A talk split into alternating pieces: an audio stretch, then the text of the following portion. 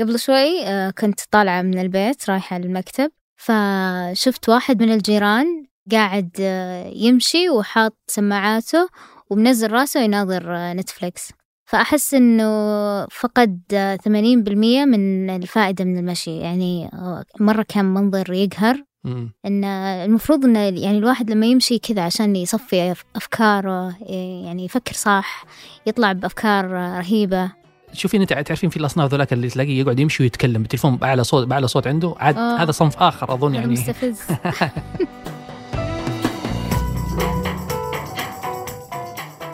هذا بودكاست الفجر من ثمانية بودكاست فجر كل يوم. نسرد لكم سياق الأخبار اللي تهمكم. معكم أنا ميسم المنيع. وأنا ثمود بن محفوظ.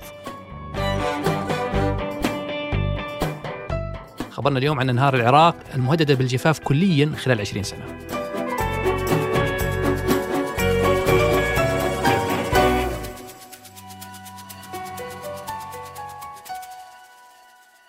تركيا وإيران على منابع دجله والفرات؟ خلاص. نهاية الاهوار وهذا قدامك شاهد إنه سكان الاهوار بدوا إلان جاء فصل الصيف راح الاهوار تتحول صحراء قاحله طلعوا مثلا هاي البيوت يا إخوان قاعدة. هذا هو حال نهر دجله والفرات اللي يعتبران من أطول الأنهار في غرب آسيا ويشكلان مصدر مهم لحياة الملايين العراقيين. فبحسب التقارير دخل نهر دجله مرحلة الاحتضار ابتداء من هذه السنة والسلطات العراقية تعتقد إنه نهر الفرات ممكن يختفي كليا خلال 20 سنة القادمة. فالعراق اللي عدد سكانه أكثر من 42 مليون نسمة يواجه اليوم أزمة جفاف غير مسبوقة بسبب تراجع حصته من مياه الأنهار. ومع أنها مش المرة الأولى اللي تراجع فيها مستوى المياه في دجلة والفرات إلا أن الجفاف اللي شهده العراق هذه السنة هو الأسوأ من أكثر من 90 عام. وقبل ما ندخل في تفاصيل الأسباب اللي وراء هذا الجفاف التاريخي بنتكلم عن قصة النهرين وكيف أصبحوا مهددين بالاختفاء. نهري دجلة والفرات اللي ينبعان من تركيا يمران عبر سوريا والتقون في العراق يصبون عند الخليج العربي. ولهم دور كبير في تزويد المدن العراقية بالمياه العذبة ويتفرع منهم الكثير من القنوات المائية اللي من أشهرها شط الحي وشط الميمونة وشط العرب. ويخدم النهرين عموما أكثر من 12 مليون شخص في سوريا والعراق اللي مناخهم شبه صحراوي ويعتبران مصدر مهم للري والزراعة والتنقل. وللعلم في نهر ثاني اسمه كارون يجي من إيران ويعتبر مصدر مهم للمياه لبعض المناطق العراقية. إلا أن دجلة والفرات أكبر مصدر مائي للزراعة والدخل ل 7 ملايين إنسان. ومصدر ل 70% من الثروة المائية العراقية والأنشطة المرتبطة بالنهرين توفر فرص عمل كثيرة للعراقيين. لكن البنك الدولي حذر مؤخرا أن الموارد المائية في هذا البلد متجهة للانخفاض ونسبة انخفاض المياه في العراق ممكن توصل 20% بحلول 2050 وهذا الانخفاض له عدة أسباب جيوسياسية ومناخية. فواحدة من الأسباب السياسية هي التحركات التركية والإيرانية في بناء السدود. فمثلا تركيا عشان تستفيد من منابع دجلة والفرات في أراضيها بنت سدين هم أتاتورك على الفرات وإليسو على دجلة عشان تستفيد منهم في توليد الطاقة. وهذا الشيء عجل من انخفاض المياه العراقية بشكل كبير فمستوى المياه انخفض في الأنهار الرئيسية في العراق بنسبة 40% على الأقل.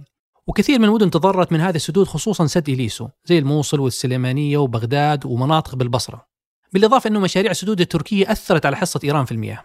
هذا خلى إيران تبني مشاريع تحويل ماء عند نهر كارون وغيرت مساره عشان تستحوذ على حصة مائية أكبر لها وهذه الخطوة كانت ردة فعل على إنشاء السدود التركية.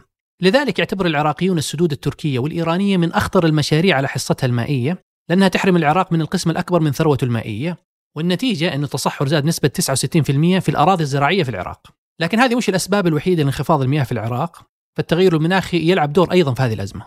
فالعراق اليوم يعتبر واحد من أكثر خمسة بلدان تأثرا بالتغيرات المناخية وذلك بسبب الجفاف وانخفاض نسبة الأمطار وارتفاع درجات الحرارة. وعشان كذا حذرت الأمم المتحدة أن ندرة المياه حتكون سبب للهجرة من الأرياف إلى المدن العراقية وبسببها نزح حتى الآن أكثر من 3300 أسرة في آخر شهرين. والناس تعرف أكثر سنة عندي جيراني كلها راحت للشمال. ما يعني ناس تزرع زرع يموت من الصدر كان حنطة ولا مخضر. بحسب الأمم المتحدة كانت حصة كل فرد في العراق تقدر ب 2100 متر مكعب من المياه سنويا. هذه الحصة بدأت تتراجع في السنوات الأخيرة ويتوقع أن حصة كل فرد توصل ل 1750 متر مكعب في 2025 الجفاف له أيضا تأثير على الحياة الفطرية والمائية. فأنواع معينة من أسماك المياه العذبة بدأت تختفي في العراق وبدأت تظهر أنواع أخرى تعيش عادة في البحار. وهذا يكشف لك عن زيادة نسبة الملوحة في الأنهار. وفي الوقت اللي تتراجع فيه مصادر المياه بشكل مخيف يستمر هدر المياه بشكل كبير في العراق.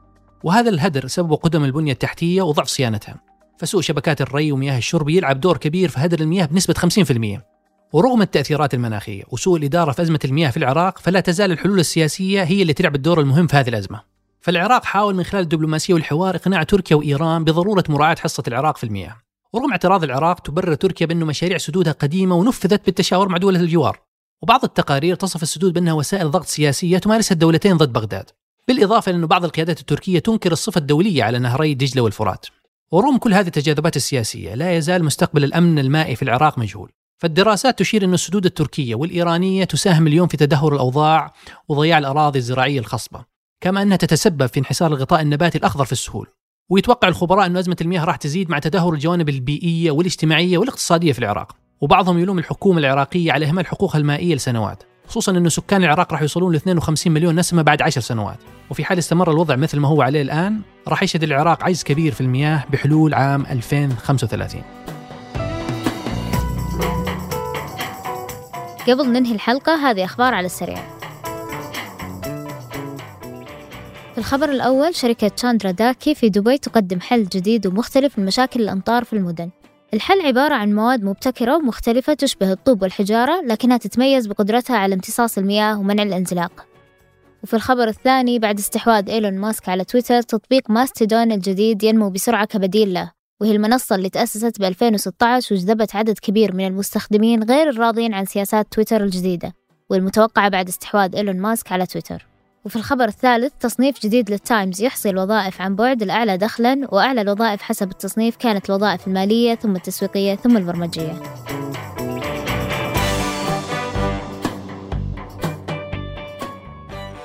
أنتج هذه الحلقة تركي البلوشي وعمر العمران أشرفت عليها سحر سليمان وقدمتها أنا ثمود بن محفوظ. وأنا ميسم المنيع وحررها محمود أبو ندى. نشوفكم بكرة الفجر.